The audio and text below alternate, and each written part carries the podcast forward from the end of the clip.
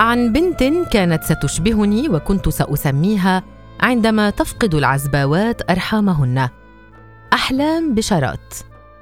كانت شجرة الليف تتعرش على أطراف أغلب البيوت في الغور فلا تحسن في أن تزيدها جمالا.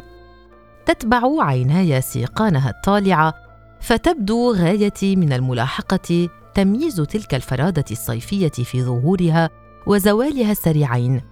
وهي تتدلى عن أشجار السرو لتصنع ظلا رفيعا في ذروة حر الغور وما يفعله من عطش. ومن بين أوراق أشجار الليف كانت تظهر ثمار شجر الليف التي تكبر على شكل أوعية أنبوبية مغلقة متكتمة كأنها تحمي سرا قديما في داخلها.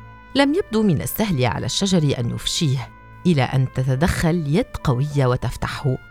ولطالما راودتني الرغبة تلك فتضام في ذهني رغبة إحراز المتعة في هيئة كشف السر وتمزيق الوعاء بيدين مستعجلتين.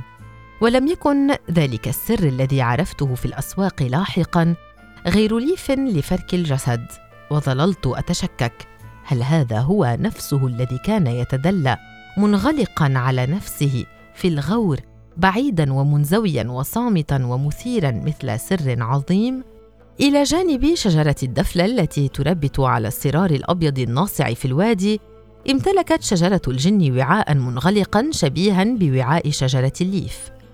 كنت مثل الأولاد كلهم أستمتع بفقئه فقد كان يصدر ذلك الصوت. بوم في هدوء الغور فيحدث صدى مرتدا نادرا يبهج القلب وظللت أفعل ذلك وأشتهيه من صيف لآخر حتى حذرنا الكبار من هذه الشجرة السامة شجرة الكرنكة. وإلى هذا الحد انتهى سر شجرة الكرنكة باكرا فلم يكن وعاء يحمل في جوفه سوى الفراغ الذي يحدث صوتا وصداه سرعان ما يذوبان داخل هدوء الغور. إلا أن صورة الشجرة وحيدة بجانب شجرة الدفلة فوق الصرار الأبيض الناصع ما زالت تتمدد في بطن الوادي فيضمها ويستمر الرعاة بالركض خلف أغنامهم هبوطا في بطن الوادي وينهرونها فتصعد مرغمة حواف الوادي وتنطلق سيرا تبحث عن ورق أخضر لن تجده في الأنحاء بسهولة. صعد الليف من رحمها مارا بأحد الشرايين ومنعطفا مع تعرجاته حتى وصل قلبها فقضى الأطباء تسع ساعات في عملية ثلاثية صعودا من رحم المرأة إلى قلبها قالت عائشة في زيارتها لي. كان الجو حارا حتى في رام الله المدينة التي كانت فيما مضى مصيفا. وأعدت أختي الباميه قالت بأن في ثمرة الباميه ليفا أحتاج وجوده في طعامي في مرحلة التعافي. ظل الجو حارا حتى بوجود المروحة التي أعجبني أن لونها البرتقالي بلون الحائط. كانت هدية جيدة برغم صوتها الذي لا يحتمل مع ارتفاع درجة الحرارة في هذا الشهر من العام. فكانت تنجح في تحريك السخونة داخل الهواء كأنها تذيب الملح أو السكر في الماء. قبل خمس سنوات كنت في أول زيارة أقوم بها لطبيبة نسائية. لقد تأخر الأمر معي إذ ذاك على غير ما حصل مع فتيات في العشرينات أو قبل ذلك ومنهن أخواتي. فجأة أمسكت برحمي ذات صباح وشعرت أنه قد تغير ككل الأصوات التي تغيرت نبرتها فجأة في حياتي. أشار إلى تغيره وزن النحيل وضمور بطني ما جعل نفوره مريبا. رأيت الصرار ناصع البياض مرة أخرى في الوادي وبعد سؤال وجواب عن من أشطر ومن أمهر في المدينة من الأطباء وجدت نفسي ممددة في عيادة إحدى الطبيبات على ظهري وهي تحرك جهازا صغيرا فوقه وتحت الجهاز مادة لزجة وما إن أنهت الطبيبة عملها حتى أعطتني منديلا لمسحه لكني لم أستطع أن أمسح ما قالته مباشرة بثقة بعد ذلك حتى أن وضوح الأمر أمامها هكذا أذاني. متليف ولازم نستأصله. ما الذي أتى بكلمة ليف هنا في داخلي؟ هل أنا الغور؟ كيف غادرت الشجرة أرضها؟ متى حصل ذلك؟ أين كان الراعي؟ متى هربت الأغنام؟ ولم ترفع احتجاجها مشفوعا بصوت صعود حوافرها وانزلاقها المحتمل. لماذا تخلت أشجار السرو عما تعلق بها؟ وكأن الأمر حدث منذ عهد غائر في القدم وهي ترسم ظلها الرفيع فوق الأرض فيتعرق الإثنان. وهذا الليف بلون السكر المنتشر هنا وهناك وأنا أسمع صوت ثمرة من ثمار شجرة الجن تنفقئ تحت قدمي فوق التراب في أعلى حافة الوادي. لماذا لم يخبرني بسره؟ ما إن قد أصبح سري. رغبتي الدفينة في معرفة السر مخبأة هنا. بين طبقات معقدة من حلقات متداخلة كخلايا النحل في ثمرة تنحت أمي بها ظهري حتى تطمئن أنها محت جيدا عرق الغور الذي دهن نفسه فوق جسدي طيلة أسبوع وأنه لأسبوع لاحق سينمو مرة أخرى شيئا فشيئا وستكون أمي مستعدة له في يوم الجمعة في حين أنني سأتراخى أمام العرق والأوساخ. سأترك جسد الطفل دون كلفة المعاندة ما سيغضب أمي. فتنحت وتنحت بالليفة جلدي حتى يحمر. كان واحدا من أيام شهر شباط فبراير لعام 2018 نزلت من العمارة الكائنة بالقرب من دوار الساعة ومشيت من وسط مدينة رام الله إلى شارع الإرسال قاصدة مركز الأشعة. كان المطر يتساقط وكانت الغيوم تتكون في عيني. تلك البدايات للدموع التي تشكلت في عيادة الطبيبة لم تسقط هناك. فلم أحتج للمنديل الذي مسحت فيه الجال عن بطني. تحت المطر كانت الدموع التي تصح في العادة من عيني في أشد اللحظات عتمة متشنجة وقصيرة تنشد حريتها. فلا أعرف برغم ذلك لماذا تريد أن تهرب مني. هل أنا خائفة من أمر آخر يتلو هذا التشخيص؟ هل أنا حزينة لأن الطبيب أوصت بقطع ثمرة الليف والشجرة معا؟ وماذا بشأن البيت والظل الرفيع وفعل الصيف؟ هل خفت أن أخسر احتمال أن أكون اما؟ لكني لم أنشغل بالأمومة كتجربة وكتحصيل وجودي حاصل. كما فعلت نساء عرفتهن جيدا تزوجن لغاية أن يصبحن أمهات. الأمومة قضية معقدة بالنسبة لي. لم أجد نفسي أقدم رأيي فيها على شكل سؤال وجواب. بدك تصيري أم آه يلا أو لا خلص. قد أكون خائفة من الفقد نفسه أن يموت جزء مني وأظل من بعده على قيد الحياة وعندما أبحث عن مكانه كي أزوره لا أجد له قبرا. سألت الممرضة قبل أيام بعد العملية ماذا تفعلون بالأرحام المستأصلة؟ أجابتني أنهم يتلفونها. ولم أعرف كيف. احالتني كلمة تلف إلى كل ما هو غير صالح أو فاسد أو مؤذن طعام أوان مواد للتعاطي إلى آخره. فتوقفت عند الكلمة وما زلت هناك. حسنا لكن الرحم عضو حي وقد مات. لماذا لا تكون هناك مقبرة لدفن الأرحام؟ وهذا ما تخيلته وأنا أسير في ممر المشفى دون أن أستند على أحد. فأرى أشجارا خضراء تحيط بالمقبرة التي توزعت فيها على نحو منظم وأنيق شواهد رأيتها من زاوية خلفية لذلك لم أستطع أن أقرأ أسماء صاحباتها حتى أنني لم أقرأ اسمي على واحدة منها. فاطمأننت فقد يكون كل هذا مجرد خيالات أو محاولات كتابة. ألم أفكر وأنا في غرفة العمليات بالهروب في اللحظات الأخيرة؟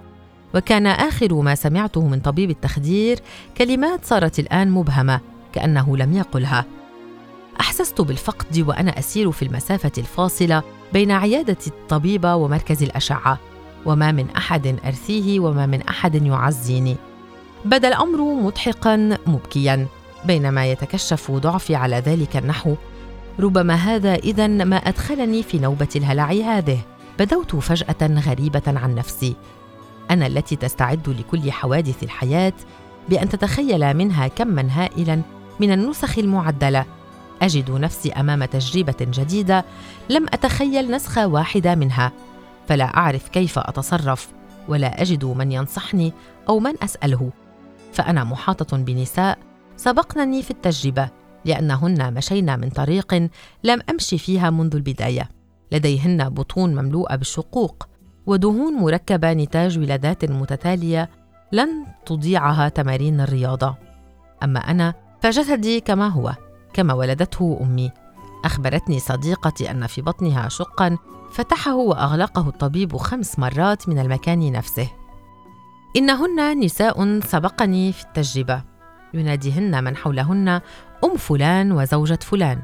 ثم أحيانا بالصدفة بأسمائهن التي تبدو وكأنها تلوح لهن من أزمنة ماضية عندما يلتقين برفيقات الصف التاسع.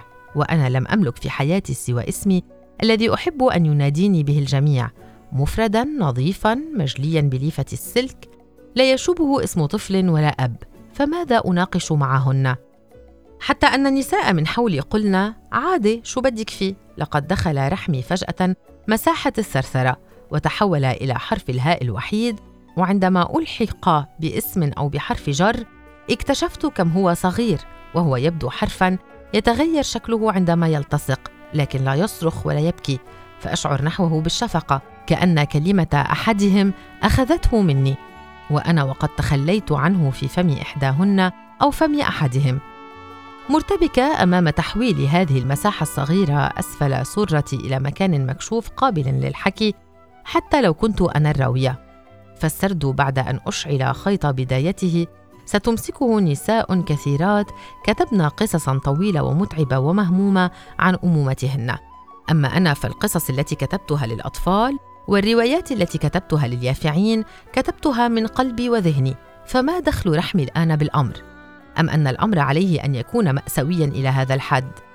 لا أطفال من حولي في البيت وعندما أضع يدي فوق تجويف فارغ أعادت الأعضاء موضعه نفسها فيه داخل غلاف كما وصف الطبيب لي أكون أقرأ لهم القصص خارج البيت في فضاء ليس بيت العائلة ليس بيت عائلتي. هل هي المسافة بين الغريب والقريب؟ أم كما قلت ذات مرة القلق من زوال الاحتمال فما زال أمامي فرصة لسنوات من الاحتمال وأنا كائن لا يحب أن يخسر حظه في التجربة. قلت للطبيب الذي كرر جملة سمعتها من أكثر من طبيب آخر زرته قبل أن أصل إليه أنت في الأربعين ما حاجتك للرحم؟ أجبت طبيبا رابعا أو سابعا قبل شهرين في مدينة نابلس وأنا أحاول أن أبدو عادية في تلقي الأمر كأني الآن أصبحت خبيرة فيه. ماذا لو خرجت من عندك الآن والتقيت بهذا الرجل الذي أريد أن أصنع معه طفلا؟ ماذا لو أقبلت اللحظة؟ فأنا أسمي تجمع الأحداث التي واصلت نموها خلف ظهورنا اللحظة بينما يسميها البعض الصدفة. ايا كان اسمها ماذا لو كان لها مقدرا أن تحصل الآن؟ وأن الزمن الذي مر لم يكن سوى تهيئة لحصولها. وأنا لا أفسر الزمن تصاعديا أنا أفتش في داخل الزمن عن عقد حدثت فيه. يشكلها تشابك يوم بيوم آخر ويد أحدهم بيد رفيقه. وقلب بقلب وبداية صباح بلحظة متينة من قوة الحب أو التخلي. كيف أشرح هذا للطبيب؟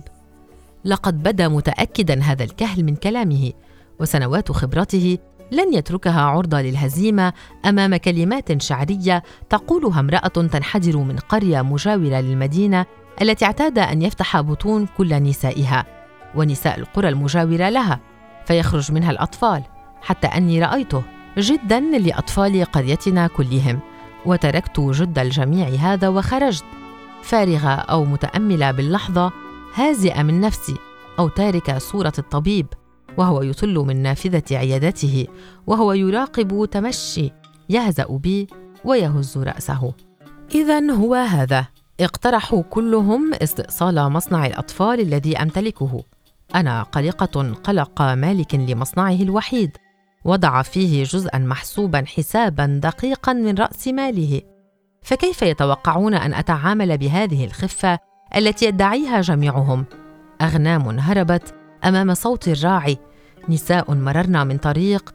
لم امرر منه. أطباء درسوا الأمر جيدا في الكتب. مزارعون مرروا الخيوط أمام أغصان شجرة الليف حتى تتعلق على بيوتهم الريفية فتحدث لهم تلك الظلال الرفيعة. تركت الرضا ينمو وقلت له سأسقيك فاصعد. لكن ليس من تربة رضا نساء جربنا استعمال وعاء الليف وأخرجنا منه سرا وآخر.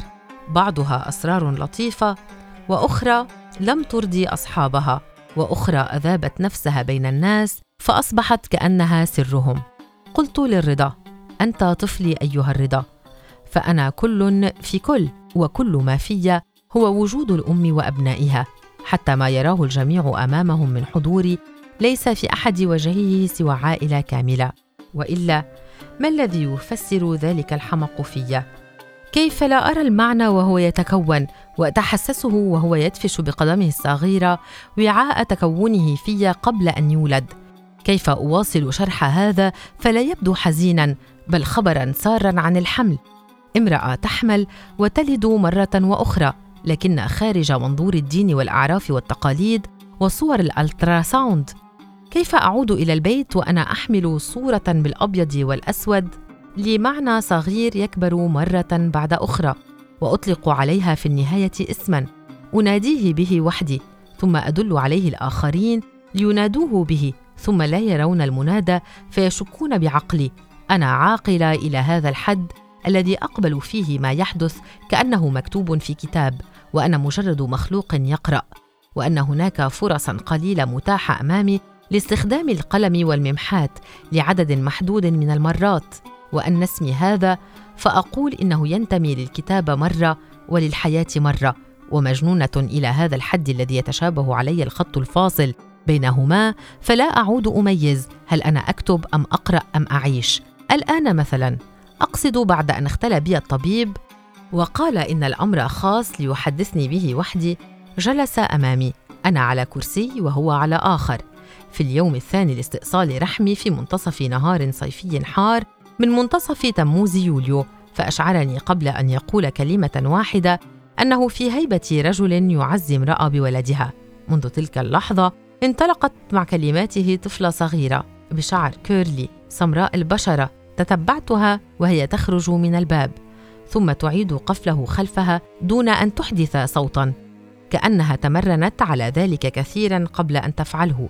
ارتفعت الصغيرة قليلا وتعلقت بيد الباب حتى هبطت ثم مشت في الممر الذي تمشيت فيه وحدها وكانت تترك اثرا غير مرئي على الحائط خيطا وهميا رفيعا كأنه علامة مرورها من العالم. يوم ولدت كبيرة هكذا بتاريخ الخامس عشر من تموز يوليو من عام 2023 ثم خفضت رأسي حتى لا أراها وهي تخرج من الباب وتغادر. ما الذي ينفي أن هذه البنت ابنتي أو أنني تخيلتها لألف سبب؟ أحد هذه الأسباب كي أفسر سبب وجود هذه العلامة التي أصبحت أمتلكها مثل نساء مررن من طريق الأمومة. وحتى لا أتسبب بالحزن لأحد قلت إنها مجرد صورة جميلة عن بنت كانت ستشبهني. وكنت سأسميها ماذا كنت سأسميها؟